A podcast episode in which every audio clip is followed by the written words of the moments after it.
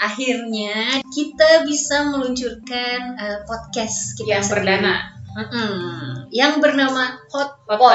Nah, kenapa kita namakan hot pot? Karena berdasarkan sejarahnya, dia itu sudah ada dari seribu tahun yang lalu yang berasal dari prajurit Mongolia ya yang kelaparan sebetulnya. ya tepatnya mereka make Helm ya, Ya. helmnya besinya gitu waktu uh, bukan waktu- tudung ya bukan helm, ya helm helm besi gitulah yang bisa jadi konduktor panas Karena waktu mereka mau menyerang eh, China ya, kalau Iya. nggak salah ya mereka mau menyerang China, mereka tuh nggak mau bawa perlengkapan makanan gitu karena berat katanya gitu kan. Terus akhirnya mereka terkepung atau gimana lah itu akhirnya mereka kelaparan dan akhirnya mereka menggunakan si helm besinya mereka ini untuk jadi Masak. kayak mangkok gitu nah, untuk masak. Nah akhirnya muncullah si hotpot ini. Tapi selain itu hotpot juga sebetulnya memiliki filosofi yang lain ya. ada makna yang dalam juga sih di sini jadi intinya tuh kita tuh bisa menikmati makanan bersama-sama ada unsur kebersamaan tuh di situ Karena hotpot ini kan biasanya memang untuk porsi besar ya, jadi bukan buat cuman makan sendiri kecuali lu emang lapar banget dan maruk kali ya. Jadi ya lu makan sendiri. Tapi nggak biasanya hotpot ini kan memang gede gitu ya. Kalau misalnya di Jepang dibilangnya steamboat gitu kan atau shabu-shabu. Nah hotpot ini jadi memang eh, dirancang untuk dinikmati bersama dan juga kalau waktu yang lama jadi dia nggak akan cepet dingin kalau di hotpot ya makin seru makannya kalau kita makan rame-rame makanannya masih anget nah so welcome to our podcast. Ada gua Ana dan gua anak Oke, kita eh, lagi di tengah bulan kayak gini, terus kemarin-kemarin juga sempat marak berita, di Indonesia ya iya di kasus- Indonesia. kasusnya si Ferdian Paleka itu booming banget Dan sebetulnya kita mau menyoroti dari hak asasi manusianya ya, Iya. sebetulnya. Kita lagi pengen ngomongin itu, apalagi kan. Di masa-masa sekarang kalian tuh mungkin gak terlalu banyak beraktivitas gitu ya karena pandemi yang terjadi. Ya udahlah, kita sekarang coba ngobrol agak berat dan agak serius ya tentang hak asasi manusia tapi tetap santai. Oke, sekarang Ana gimana sih? Ini kita mau bahas tentang HAM-nya dulu ya. hamnya dulu apa sih ham itu menurut kalian menurut lo apa HAM itu adalah hak asasi manusia. Jadi sebagai manusia gue punya hak yang harus dilindungi gitu oleh pemerintah, apalagi maksudnya sebagai warga negara ya. Hmm. sebagai warga negara gue punya hak yang harus dilindungi gitu loh oleh negara oleh pemerintah dan harus dihargai oleh orang-orang ya Hmm. Gue ingat dulu waktu pertama kali gue denger istilah HAM ini waktu gue SD, gue masih nggak ngerti tuh apa artinya HAM karena waktu itu gue belajar tentang hak dan kewajiban. Apakah ada kewajiban asasi manusia? Kalau ada hak asasi manusia dulu waktu gue SD gue mikir gitu. Cuman kalau menurut eh, sumber nih ada di Undang-Undang Nomor 39 Tahun 99 itu mendefinisikan HAM sebagai seperangkat hak yang melekat pada hakikat dan keberadaan manusia sebagai makhluk Tuhan yang Maha Esa dan merupakan anugerahnya yang wajib dihormati, dijunjung tinggi, dan dilindungi oleh negara, hukum, dan pemerintah, dan setiap orang demi kehormatan serta pelindungan harkat dan martabat manusia. Nah, jadi Semua makhluk Tuhan yang Maha Esa ya, jadi nggak peduli lu agamanya apa, kalian semua punya HAM. Nggak peduli lu cewek atau cowok, lu punya hak asasi yang harus dilindungi dan diperjuangkan. Dan ada empat ciri HAM, yaitu itu nggak bisa dicabut, walaupun lu berubah status itu tetap ada melekat dalam diri lu. Nggak bisa dibagi. Jadi lu nggak bisa joinan ham sama orang.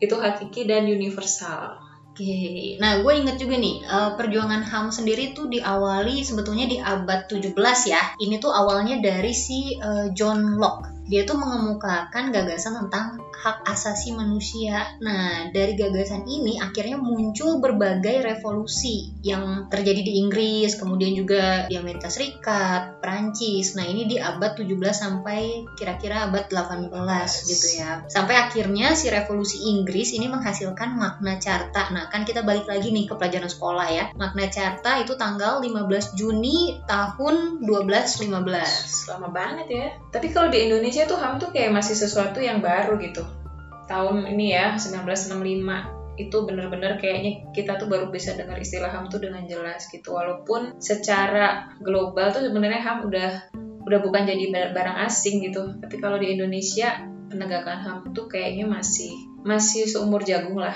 Kalau teman-teman yang lahirnya tahun anak-anak 9 bulan pasti pernah dengar lah ya kasus pelanggaran HAM penembakan misterius si Petrus itu.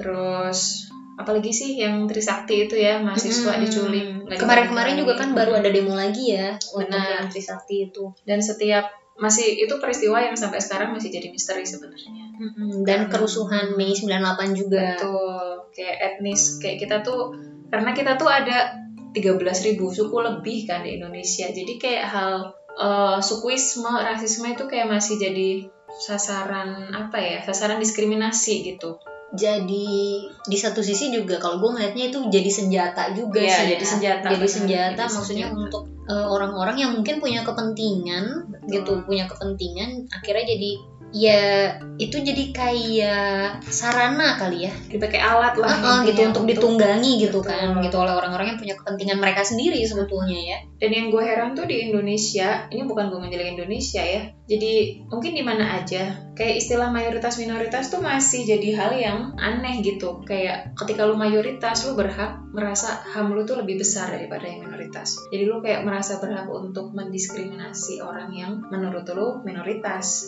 di tempat lu kayak gitu. Ya contoh lah ya, eh, agama lah itu bukan jadi hal yang hal yang aneh. Terus suku ketika gue Jawa lalu gue pindah nih misalnya ke Kalimantan, terus di sana mayoritas Dayak gitu misalnya, gue pasti didiskriminasi dong. Gak pasti Hmm. sih, mungkin dengan orang-orang yang masih menganggap dirinya punya kekuasaan atas Iya. wilayah itu pasti gue dong yang diskriminasi. Nanti orang Dayak ke sini misalnya ke Pulau Jawa ya pasti kita yang Hmm. merasa lebih leluasa buat kayak ngebully dia. Lebih kayak ke lu orang lokal apa lu pendatang Betul. gitu ya. Iya. yang lokal merasa bahwa mereka punya hak lebih besar gitu daripada pendatang gitu kan sama kayak tadi eh, Anda juga bilang soal agama padahal di agama sendiri semua agama gue yakin sih bilang bahwa sebetulnya manusia tuh semua sederajat loh di mata Tuhan Sederajat. gitu kan Betul. kayak gitu kan tapi kok kita manusia sendiri ya yang akhirnya mengkelas-kelaskan atau menstratakan mengkotak-kotakan orang gitu lah. Hmm, kayak warna kulit lah, terus eh, strata sosial, kadang isi dompet juga itu menjadi apa ya hal yang mudah untuk membuat orang tuh didiskriminasi. Ya di Indonesia bukan cuma di Indonesia sih di mana-mana ya pembulian itu kan udah sebenarnya bully bullying itu kan salah satu bentuk pelanggaran HAM kan sebenarnya. iya betul Dan kayak ketika anak-anak dibully di sekolah, berarti kan sebenarnya orang-orang itu gagal untuk melindungi hak asasi anak itu ketika anak tuh masih kecil. Jadi seolah kita tuh nggak sadar kalau kita punya hak asasi gitu loh. Jadi gue sendiri tuh pernah ngalamin kayak gitu.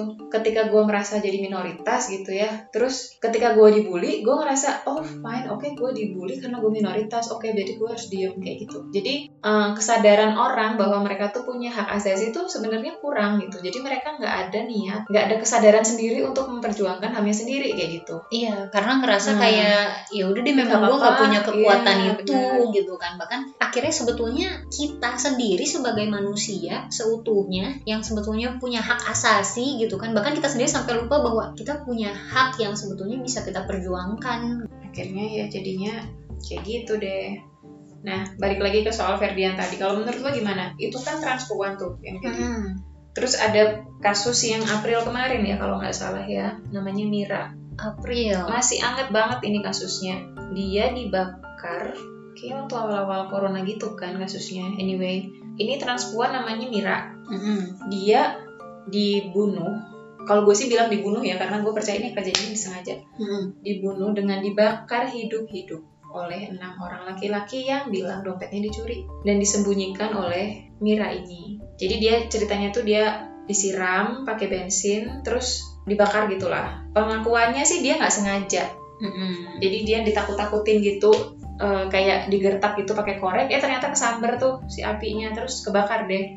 Mm-mm. Tapi logikanya ya, kalau orang kebakar gitu, kalau nggak sengaja, kan pasti kan lu ngambil air ya buat nyiram buat mademin api kan Mm-mm. at least lu pakai jaket lu apa kalau rasa kemanusiaan lu masih ada gitu ya. Kalau misalnya lu sense of humanity lu masih ada gitu ketika lihat orang celaka kan lu pasti segera apa kek melakukan sesuatu biar dia nggak kebakar gitu. Tapi itu dibiarin sampai si Mira ini jalan ke rumahnya dalam kondisi terbakar dan akhirnya dia ambruk karena memang akhirnya dia kebakar dan meninggal gitu. Itu menurut gue itu gila sih walaupun nggak tahu ya dia beneran ngambil HP-nya atau enggak gitu. Maksudnya kita nggak berhak sih untuk ngejudge menghakimi orang. Mm-mm. kayak gitu gitu.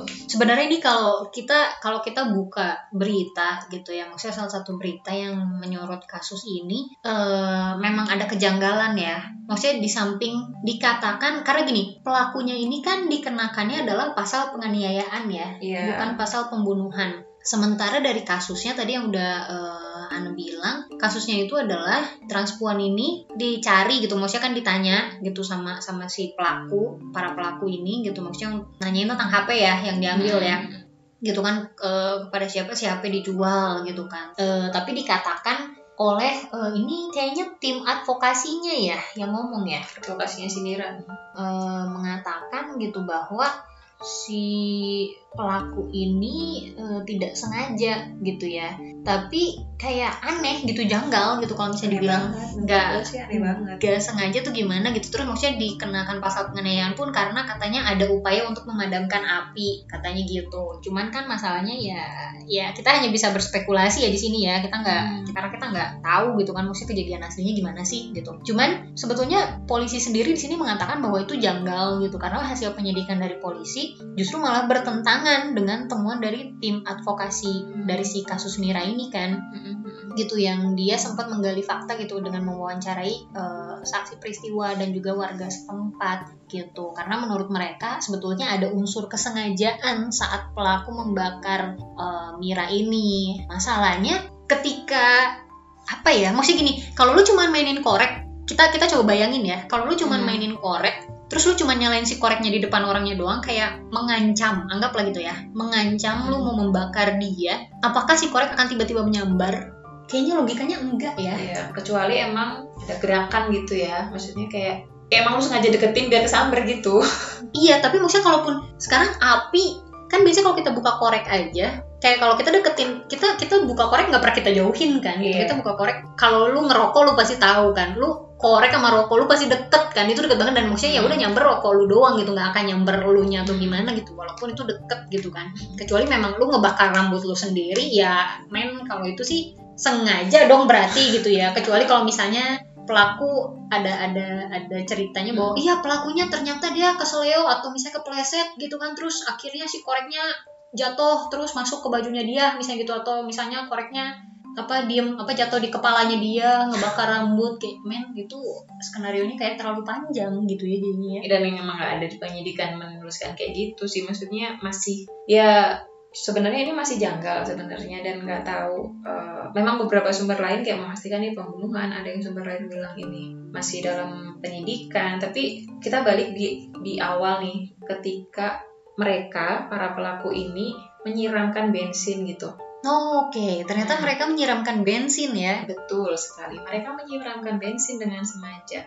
Apakah kita tuh berhak gitu? Maksudnya dengan orang ngambil ngambil HP ya atau apa pun itu, terus kalau orang udah nyiram bensin, dia kan pasti udah niat untuk ngebakar ya nggak sih? Mm-mm. Kayak walaupun kalaupun nggak gitu, pasti dia dia memperma- mempermalukan atau menyakiti atau melukai. Ya intinya mah dia ngebully dengan parah lah kalau udah sampai kayak gitu gitu. Udah ngelakuin kayak gitu gitu kan. Iya. dengan dia sih nggak nulis alasan karena transpuan cuman memang ada beberapa sumber yang bilang itu karena ada transfobia. Hmm. apa tuh transfobia? Transfobia adalah ketika lu ngerasa jinjai sama orang-orang yang memang sudah mendeklarasinya sebagai transpuan kan Jadi kayak lu ngerasa ah gue mah anti sama transpuan ah gue mah gele gue mah gini-gini cuman itu tuh sebenarnya nggak membenarkan alasan lu untuk melakukan hal itu kepada mereka karena eh, gimana ya mereka tuh manusia gitu kan mereka manusia ya lepas dari kita tuh di agama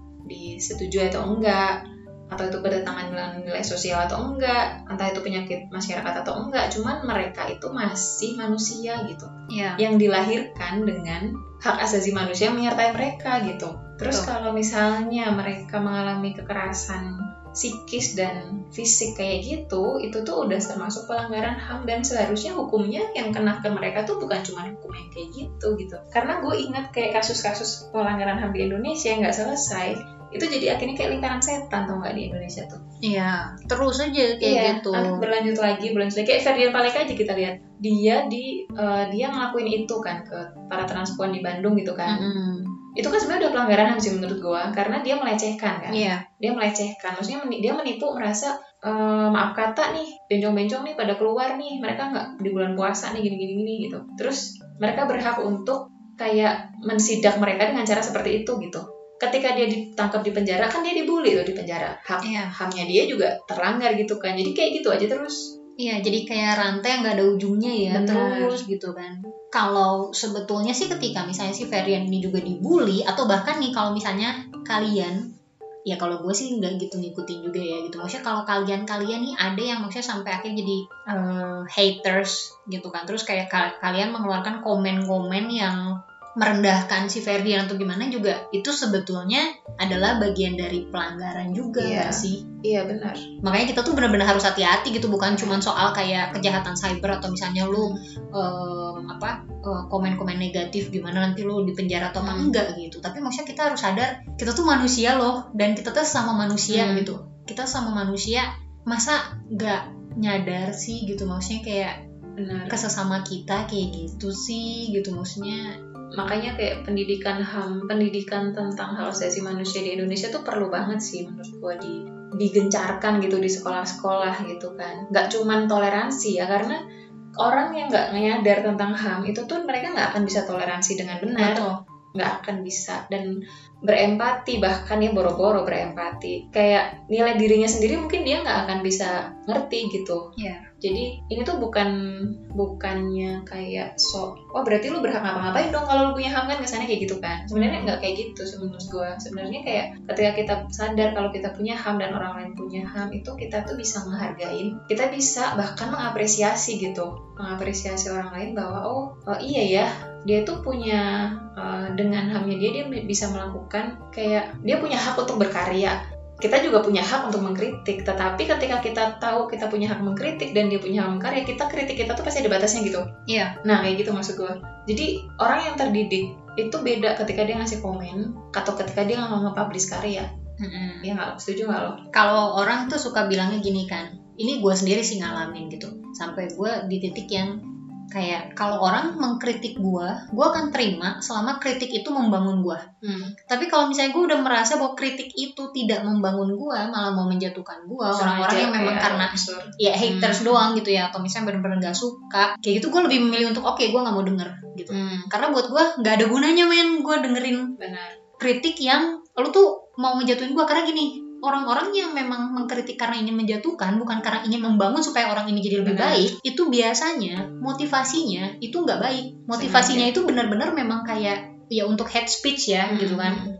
Untuk menyebarkan kebencian lah gitu atau maksudnya ya dia mungkin karena awalnya dia sirik dia ngiri gitu kan atau bahkan dia merasa bahwa dia sombong dia ngerasa dia lebih baik atau gimana Hmm. terus jadi akhirnya dia apa namanya jadi ya Rasa mencaci bersalah. orang lain Betul. gitu ya jadi sebetulnya motivasinya pasti nggak baik kalau gue sendiri ya gue pasti pernah lah ngomongin orang nggak mungkin enggak Hmm. gue yakin semua orang pasti pernah ngomongin orang karena itu Hmm. kayaknya adalah dosa paling gampang dilakukan ya. Natural gitu ya. Iya kayak main gue juga nggak mau gitu. Cuman maksudnya gue akhirnya berusaha untuk aware gitu loh dengan itu untuk oh iya ya gitu. Maksudnya ketika ketika gue misalnya nggak suka sama orang atau nggak seneng kesal mungkin ada gitu atau bahkan mungkin iri atau apa pun ada gitu kan. Tapi ketika gue mau mulai ngomong itu atau mengeluarkan itu mengekspresikan itu kayak ya gue pun terus belajar ya. Ini maksudnya bukannya gue udah berhasil udah nggak pernah bukan gitu. Tapi maksudnya ya terus belajar untuk oh iya ya sadar diri nih gitu. Hmm. posisi kita di mana sih gitu. Terus maksudnya pantas nggak sih kita kayak gitu sama Hmm. orang gitu. Terus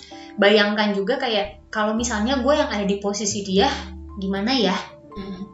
gitu loh. Anggap deh misalnya kayak kita mungkin gampang yang ngomong kayak ya Ferdian Fer- Ferdian Paleka kan kayak udah keterlaluan banget kan dia tuh kayak gitu. Maksudnya ya gue jelas gue setuju bahwa dia keterlaluan dan dia tidak seharusnya seperti itu. Tapi ketika akhirnya kita jadi ngomongin dia terus jadi yang memang kayak i- berhak menghakimi maksudnya secara udahlah mati aja udahlah. Mm-mm, bahkan mau melontarkan komentar-komentar yang juga tidak sepantasnya gitu kan. Maksudnya kayak lu bayangin deh kalau misalnya lu ada di posisi dia kayak gimana? Ya, sejahat-jahatnya dia tuh sebenarnya dia sebenarnya masih punya hak untuk dilindungi haknya gitu sih. Kayak kan gue baca tuh banyak komen netizen kan. Hmm. dia kan dibully tuh katanya di dalam penjara. Mm-mm. terus ketika kalian gitu ketika kita ikutan menyetujui atau bahkan kayak udah lu rasain lu kan tuh lu di lu di prank sama polisi lah apa terus kita benar-benar ikutan seolah-olah setiap komen kita tuh kayak kita sepakat bahwa oke lu layak diperlakukan seperti itu karena lu sudah memperlakukan seperti itu Mm-mm. gue yakin ketika Ferdian nanti keluar dari penjara dia nggak akan jadi orang yang lebih baik tapi malah lebih parah Iya. dan akan berhenti sampai situ gitu. Maksudnya kayak si polisi-polisi ini pun juga mereka merasa fine fine aja gitu. Dan maksudnya mereka kan kayak membiarkan kan. Maksudnya gue tuh bingung mereka dapat HP dari mana gitu bisa ngerekam si Ferdian di penjara gitu kan ketika dia dibully diperlakukan kayak gitu. Dan maksudnya sampai diviralkan ya Nah. gitu. Itu itu hal yang aneh sebenarnya gitu. Nah, terus kayak ketika maksudnya orang-orang akhirnya ngebully si Ferdian sebenarnya lu tuh jadi sama dengan si Ferdian ya nggak sih? Iya gitu Sama. maksud gua. Kayak cuman bentuknya beda gitu aja. Iya, bentuknya beda. Sama. Tapi sebenarnya lu tuh jadi sama gitu sama si Ferdian. Walaupun tindakannya beda gitu. Kalau si Ferdian ke transpuan, ya lu ke si Ferdian. Gitu. Tapi men kayak kalian tuh spesies yang sama. Akhirnya jadi kayak jenis yang Hmm. sama gitu Iya. sebenarnya. Gitu cuman kayak perbuatannya doang yang beda Hmm. gitu kan. Itu sih jadi kayak sayang sebenarnya gitu. Ya itu tuh semua balik sih gitu. Ada orang yang mungkin mengatakan bahwa itu karma. Ya udahlah, maksudnya mau itu karma kayak atau apa yang kita tabur itu yang kita tuai atau maksudnya kayak orang bilang eh, menabur angin kau menuai badai. Nah, atau gimana gitu kan. Cuman maksudnya ya kita nggak punya hak loh gitu. Maksudnya untuk untuk menghakimi. Dan gue yakin lo semua pasti udah tahu deh yang namanya kita tuh sebetulnya nggak punya hak untuk menghakimi orang lain. Cuman ya coba ya. Maksudnya kayak sekarang sekarang mungkin di saat-saat kayak gini ketika kita punya banyak waktu lebih cobalah kita lebih berkaca gitu kan. Aware gitu loh dengan diri kita sendiri gitu. Dengan diri kita sendiri dan eh, dengan keadaan yang yang terjadi gitu loh kayak gitu. Karena ya itu tadi gitu balik lagi kayak ini akan jadi rantai yang gak putus-putus kalau kitanya nggak mutus itu. Iya, karena udahlah kayak pelanggaran HAM yang nyata yang dilakukan oleh pemerintahan udahlah terjadinya tahun itu aja. Kayak tahun 1998 itu udah berhenti itu aja lah. Terus kasus Munir udahlah kayak kita nggak usah meneruskan jejak jejak yang jelek kayak gitu gitu. Eh, karena gini kalau misalnya kita tuh tetap sepakat ya kayak kita kita melakukannya kan kita kayak di dunia online nih dengan dengan kayak gitu. Itu tuh akan merusak gitu. Itu sangat merusak dan seolah-olah kita menyetujui langkah pemerintah yang membiarkan hal itu terjadi jadi Ya. kan kayak ngapain gitu? Ada ada polisi. Kalau akhirnya lu juga ngebully mereka penjahat gitu kan. Kan kita nggak dilarang main hakim sendiri karena ada hukum kan. Maksudnya Iya. karena Indonesia ada hukum gitu. Terus kalau kita tetap main hakim sendiri walaupun via online ngapain gitu kan ada penjara? Udah weh nggak usah ditangkap kan. Nggak usah di ini gitu. Maksudnya apa gunanya gitu? Aku sih mikirnya ya kasihan sih sebenarnya. Aku bukan pembela Ferdian ya. Aku bukan fans Ferdian anyway. Dan aku sangat tidak setuju dengan apa yang dilakukan. Kita tinggal di Bandung jadi kita tahu nih lokasi dia. Maksudnya kita ada gambaran nih. Dan kita juga punya pengalaman. Maksudnya kita pernah berteman dengan transpuan juga gitu. Dan nggak semua mereka kok lah, eh, apa namanya memilih jalur untuk menjadi transpuan itu dengan sengaja gitu kan. Atau mereka happy jadi transpuan Iya. enggak juga. Banyak dari mereka yang memang karena tuntutan hidup ya. Ekonomi, Heeh, benar. gitu. Dan maksudnya ya itu that's how they try to survive gitu. Maksudnya itu caranya mereka untuk mereka bisa survive Benar. untuk nyari uang untuk apa. Sebenarnya kayak mereka suka apa enggak kayak enggak gitu. Gue sebetulnya yakin mereka sebenarnya nggak suka. Mereka nggak mau. Gue yakin. Tapi mungkin keadaan psikis atau ekonomi mereka membuat mereka gue harus kayak gini nih. Gue nggak ada cara lain. Gue nggak ada pilihan. Dan orang-orang yang waras tuh harusnya ya mikirnya nggak dengan cara ngeprank kayak gitu ya gitu ya ini ngomong Iya. soal si Varian aja sih dan sebenarnya langkah hukum dengan menangkap dia sebenarnya prank itu kan sebenarnya penipuan gak sih Mm-mm. nipu gak sih Iya. maksudnya Iya. ada kan prank yang positif ya kayak prank Ada. apa terus dikasih ya kalau gue sih mikir kalau memang pasal penipuan udah tangkap topin aja gitu kan mereka juga menipu kan walaupun Iya. bedanya menipu baik menipu je- jelek gitu kan cuman kasus ini kan yang bikin dia ditangkap tuh karena dia dilaporkan sebenarnya Mm-mm. kan nggak ada orang di prank baik dapat duit terus dia ngelapor polisi kan nggak mungkin kan Iya. Dia kan ditangkap bukan karena dia ngeprank tapi karena ada yang ngelaporin dengan tindakan yang tidak menyenangkan kan itu kan Iya. terus dia kabur lagi dari polisi gitu jadi sebenarnya dia udah di, ditangani dalam jalur hukum gitu ya udah gitu jangan dilanjutkan nah karena masih kita tuh masih punya banyak kasus pelanggaran ham nggak selesai sebenarnya di Indonesia ini. Iya. karena itu tuh karena gini kita tuh nggak nggak serius gitu. Kayak kita tuh kesannya kayak serius ya bangsa Indonesia mah baik-baik saling memaafkan gitu kan. Udahlah eh, saling memaafkan aja. Akhirnya kita tuh nggak ada langkah tegas untuk menindaklanjuti kasus pelanggaran-pelanggaran ini. Untuk mencegah gitu ya. Nah, sebenarnya kita kan menindaklan- menindaklanjuti dan memberi sanksi kan tujuannya untuk mencegah kasus berikutnya kan. Iya. Bukan untuk memaafkan loh ya. Memaafkan mah itu urusan pribadi kan. Betul. Banyak banget kok sebetulnya uh, diskriminasi ya, maksudnya pelanggaran ham kepada transpuan kali gitu ya. Benar. Bahasanya itu tuh banyak banget kasusnya. Benar. Karena mungkin ada beberapa orang yang mereka tuh bilang gini nih, mereka kan bukan wanita, tapi juga bukan pria. Jadi Komnas Perlindungan Wanita tuh nggak berhak, bukan nggak berhak sih. Kayak nggak punya kekuatan Nggak punya, untuk eh, bantu, Bantu dia mereka ya, untuk gitu memperjuangkan kan. mereka. Mm-mm. Cuman kita harus ingat kita balik lagi nih di undang-undang kita tuh punya undang-undang loh yang udah direvisi sih gue yakin ini. Undang-undang 1945 setiap orang berhak untuk hidup serta berhak mempertahankan hidup dan kehidupannya. Berikutnya, setiap orang bebas dari perlakuan yang bersifat diskriminatif atas dasar apa pun dan berhak mendapatkan perlindungan terhadap perlakuan yang bersifat diskriminatif itu. Dan di sini ditulisnya tuh setiap orang Iya. bukan setiap laki-laki, bukan setiap perempuan, bukan setiap orang kecuali transpuan. Jadi mereka sebenarnya secara undang-undang tuh mereka pun dilindungi, punya hak untuk mempertahankan hidup. Jadi mereka berhak untuk makan, mereka berhak untuk diperlakukan sebagai manusia, mereka berhak untuk dilindungi secara hukum gitu. Jadi ya sekali lagi harapan gue sih ini nggak akan berkelanjutan ya lingkaran setan pelanggaran HAM di Indonesia ini gitu. Dia nggak akan ada episode berikutnya lah, udahlah ditamatin aja gitu. Iya. Dan sebetulnya sih paling gampangnya adalah dengan kita sendiri ya, maksudnya dari Hmm. diri kita sendiri gitu. Benar. Kayak kita tuh nunjuk orang gampang banget gitu kan, nunjuk-nunjuk orang atau kesalahan-kesalahan orang gitu kan atau apa-apa balik lagi kayak ya enggak ini berarti urusannya pemerintah dong, ini urusannya pemerintah gitu kan. Tapi maksudnya sekarang gini, kalau kita ngomongin soal ini adalah urusannya pemerintah, mungkin gak sih kalau kita secara pribadi itu sadar kejadian kayak macam Ferdian Paleka ini akan terjadi? Harusnya Hmm. enggak dong Iya benar.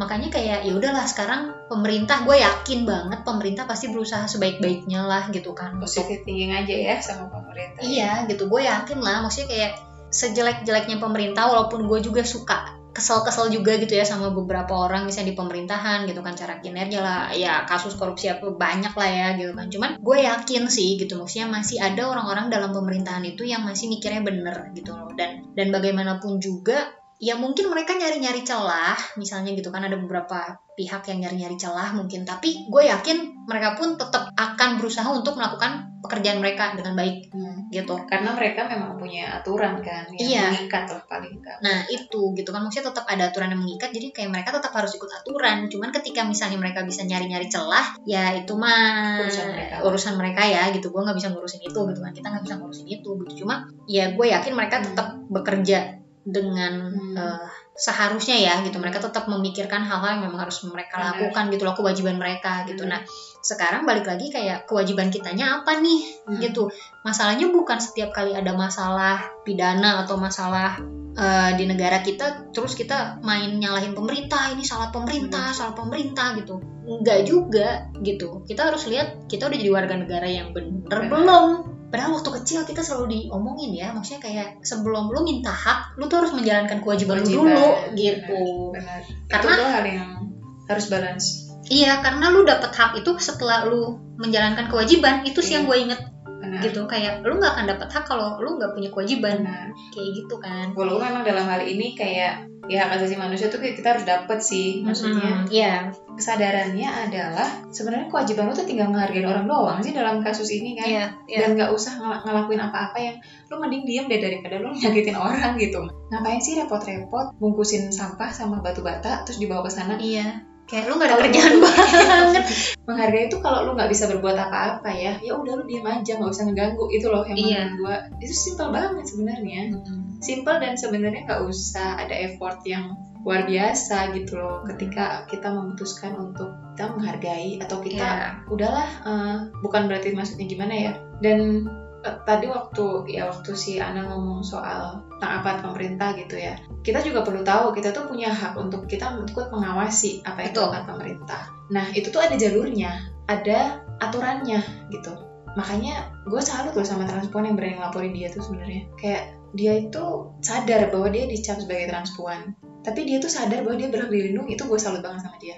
Makanya dia datang walaupun dengan keadaan yang sedih dan nangis-nangis gue nggak tega banget waktu lihat videonya yang nyebar viral itu waktu dia diwawancara yang dia bilang gue berharap ada isi makanan Indomie Iya. tapi ternyata batu. Ih ngerasain banget gak sih lu? Lu kelaparan ada orang ngasih makan ternyata ngisinya sampah. Ya jadi mereka tuh sadar bahwa mereka berhak untuk melaporkan ini. Dan itu yang sebenarnya kita mau gitu kalau korban-korban pelanggaran HAM nggak mau memperjuangkan hak mereka, pelanggaran itu akan terus terjadi, men. Dan para orang yang nggak tahu tentang HAM dan suka melakukan diskriminasi, ketika mereka dibiarkan, ya akan terus terjadi gitu. ya gue jadi ini sih gue kepikir juga gitu ya. Kelihatannya ya kelihatannya tuh kayak hak asasi manusia tuh memang hak yang lo dapat ketika lo lahir gitu kan. Kayak lo nggak ada kewajibannya. Tapi sebenarnya gue jadi kepikir gitu sebetulnya kenapa bisa muncul hak asasi manusia? Karena sebetulnya kita punya kewajiban loh. Kewajiban apa? Kewajiban kita untuk hidup Benar. gitu kan kayak Iya. ya makanya tadi gitu hak dan kewajiban tuh memang bareng-bareng gitu Lo kayak. harus berani hidup. karena gini hak asasi lu hak asasi manusia lu itu hilang ketika lu meninggal udah bye. Iya, benar. gitu. Iya nggak sih? Jadi selama lu berkewajiban untuk mempertahankan hidup lu, lu punya HAM. iya lu punya ham. Karena apa? Karena lu punya kewajiban untuk hidup gitu. Dan ini kayaknya relate banget sih gitu. Maksudnya kayak kalau kita ambil contoh gambarannya adalah si kasusnya Ferdian Paleka ini gitu kan. Maksudnya transpuan ini memang dia punya kewajiban untuk hidup gitu. Yang ketika dia bilang loh maksudnya kayak gue pengen makan gitu kan. Berarti kan sebetulnya dia masih sadar bahwa gue mau hidup loh gue mau bertahan Iya. hidup. Kalau misalnya dia maksudnya dia merasa bahwa ah enggak udah gue udah nggak punya nggak punya kewajiban untuk hidup ya udah gue mau mengakhiri hidup misalnya gitu kan. Maksudnya kayak ya udah berarti hak asasi dia juga kayak ya udah nggak nggak kepake gimana gitu kan. Tapi bukan berarti kalau ketika dia meninggal dalam kondisi pelanggaran HAM kayak Munir nih, ya itu masih tetap harus diperjuangkan. ya Jadi bukan dia yang Betul. menginginkan kewajibannya itu dihilangkan Betul. Jadi itu benar-benar lu harus sadar lah intinya kita harus sadar bahwa kita punya hak itu untuk hidup. Jadi kita bisa melindungi orang lain dan melindungi diri kita sendiri gitu. gue mau ralat bukan maksudnya tadi gue sempet ngomong kayak karena maksudnya kasus Munir karena bukan dia yang menginginkan uh, hidupnya diakhiri gitu ya beda ya kalau misalnya memang Tuhan yang menginginkan maksudnya hidup kita diakhiri Iya. kan gitu ya ini jangan sampai Jadi jadi maksudnya nggak ada unsur yang kesengajaan dari orang lain ya gitu. Dan maksudnya kan karena waktu soal itu kan dia memang sedang memperjuangkan hak asasi kan. Ya. Kayak si Munir, si Pak Munir dan orang-orang yang lain yang meninggal karena itu. Makanya kayak kita berhak untuk terus mempertanyakan nih kita menolak lupa nih dengan kasus ini gimana nih? Apa penjelasannya bahkan maaf kata nih kasar kata nih seandainya si Ferdian Paleka sampai cedera atau sampai meninggal atau di penjara gara-gara dia digituin ini orang-orang yang aku pembela HAM tuh harus berani bicara ini harus berani mereka untuk membela balik Iya. membela si Ferdian ini gitu. walaupun dia salah Iya, karena kasusnya jadi beda kan. Mm-mm. Karena polisi juga nggak sekali dua kali melakukan itu. Sebenarnya kalau kita mau buka mata aja ya di daerah-daerah yang mereka mungkin dipaksa ngaku atau apa ya anyway. Tapi untuk kasus ini ya gue berharap sih cepat selesai dan pemerintah segera sadar agar lebih memperhatikan lagi gitu. Dan pendidikan HAM nih penting banget. Pendidikan HAM itu penting banget ditanamin dari ketika lu punya anak, lu harus bilang kalau lu punya HAM lu punya hak asasi, lu punya hak untuk melindungi diri. Itu penting banget karena sekolah itu terbatas buat ngasih tahu betul kita. Anak-anak itu lebih banyak waktu dengan keluarga. Keluar. dan keluarga tuh nggak bisa ngajarin anak cuman dengan ngomong. Harus dilakukan. Karena anak itu lebih mudah belajar ketika dia melihat contoh kan. Betul. Kayak kita tuh walaupun warga awam ya, maksudnya mungkin kita bukan orang hukum, kita tuh perlu tahu lah satu dua soal ayat-ayat di pasal-pasal yang bisa bisa kita pakai untuk pegangan gitu. Maksudnya yang yang kita tuh nggak kita nggak akan gampang dibodohi oleh hukum atau dipermainkan oleh orang-orang yang ngerti hukum tapi membelokkan hukum. Jadi kita harus ngerti itu kenapa tadi kita juga beberapa kali ngumpulin sumber ya. Mungkin ketika kalian SD, kalian belajar menghafalkan Undang-Undang 45 terus pasal demi pasal. Sebenarnya nggak usah dihafalin sih, dipahami aja dan ambil mana Iya. yang penting buat hidup lo. dan kalau gue jujur sih gue pun gak hafal dengan pasal-pasal gitu. Tapi gue adalah orang yang senang mencari. Jadi gini ketika memang gue merasa kok ini aneh ya? Gitu. Misalnya ada kasus lah nggak ada kasus terus kok menurut gue ini aneh gitu. Dan kayak gue kepo. Maksud gue ya kalau lu kepo gue yakin lu semua pasti kepo keponya lu cobalah diarahkan ke hal-hal yang positif gitu. Jadi kayak gue ketika gue kepo kenapa sih ini masalah kayak gini? Sebenarnya ada nggak sih undang-undangnya apa gimana gitu kan? Akhirnya barulah gue cari. Gue nggak ngapalin ngapain gitu. Ada ada bukuin juga lu lu gampang nyari di internet gitu Zaman kan.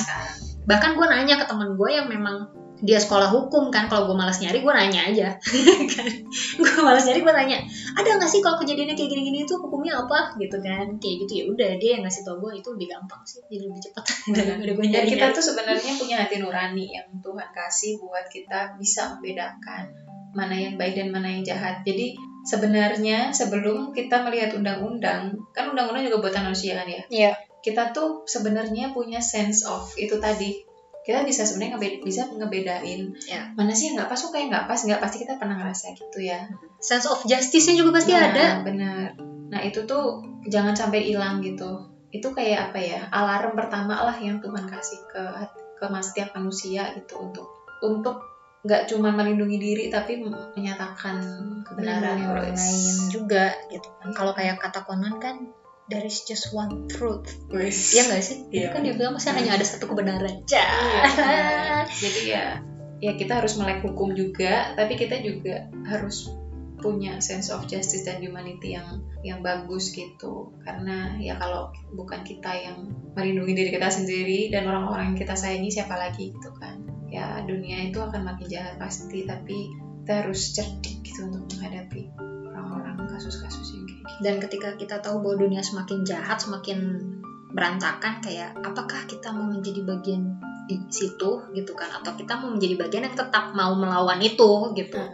Buat aku sih ini adalah waktu-waktu untuk kita mengintrospeksi diri ya, bukannya meng, bukannya mengintrospeksi orang lain. Enggak Iya. gitu. Tapi maksudnya kita mau mengintrospeksi diri kita gitu lebih lagi. Walaupun kita tetap lah belajar untuk kita juga bantu eh, introspeksi orang lain tapi lebih lagi untuk Iya, introspeksi lebih diri kita baik- lebih sendiri. pentingnya introspeksi diri sendiri bayangin aja kalau setiap orang sadar untuk mengintrospeksi diri sendiri kayaknya nggak perlu ada introspeksi ke orang lain bahkan kalaupun tidak ada polisi tidak apa kayaknya masih aman gitu kalau semua orang sadar ya kan di zaman sekarang seperti itu masalahnya dengan adanya ya kadang polisi aja ya pol- masalahnya kita semua masih sama-sama manusia sih pemerintah Benar. juga masih manusia gitu kan jadi kita masih hidup di dalam Semua- dunia yang fana ini. semua masih bisa salah gitu kan makanya ya kalau semua manusia punya kontrol diri yang benar punya pengendalian diri yang benar sadar diri ya itu akan jauh lebih baik sih Iya.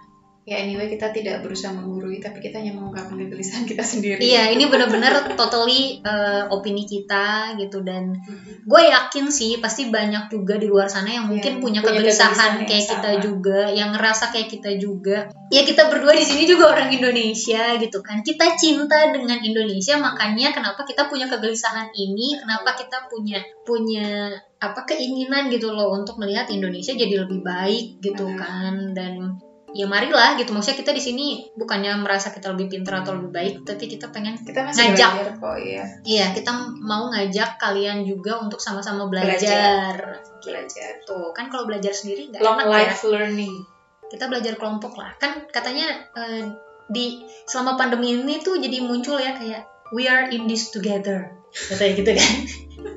nah, kita juga sama. Maksudnya kita juga mau ngajak kalian untuk kita belajar bareng-bareng yuk gitu. Iya. Maksudnya ngingetin lagi gitu. Kita sama-sama ngingetin untuk introspeksi diri, Benar. untuk ya kita juga ngingetin lah teman-teman kita yang lain gitu kan. Oke, kalau gitu episode kita kali ini cukup sekian ya dan terima kasih. Kalau kalian udah mau dengerin kita yang ngomong dari tadi Iya, yang ngacapruk yang nah. mau mendengarkan curhatan dan kegelisahan kami Pokoknya semoga kalian gak bosen ya Iya. untuk nungguin nanti eh, episode berikutnya. Oke deh, bye bye. makasih banyak ya guys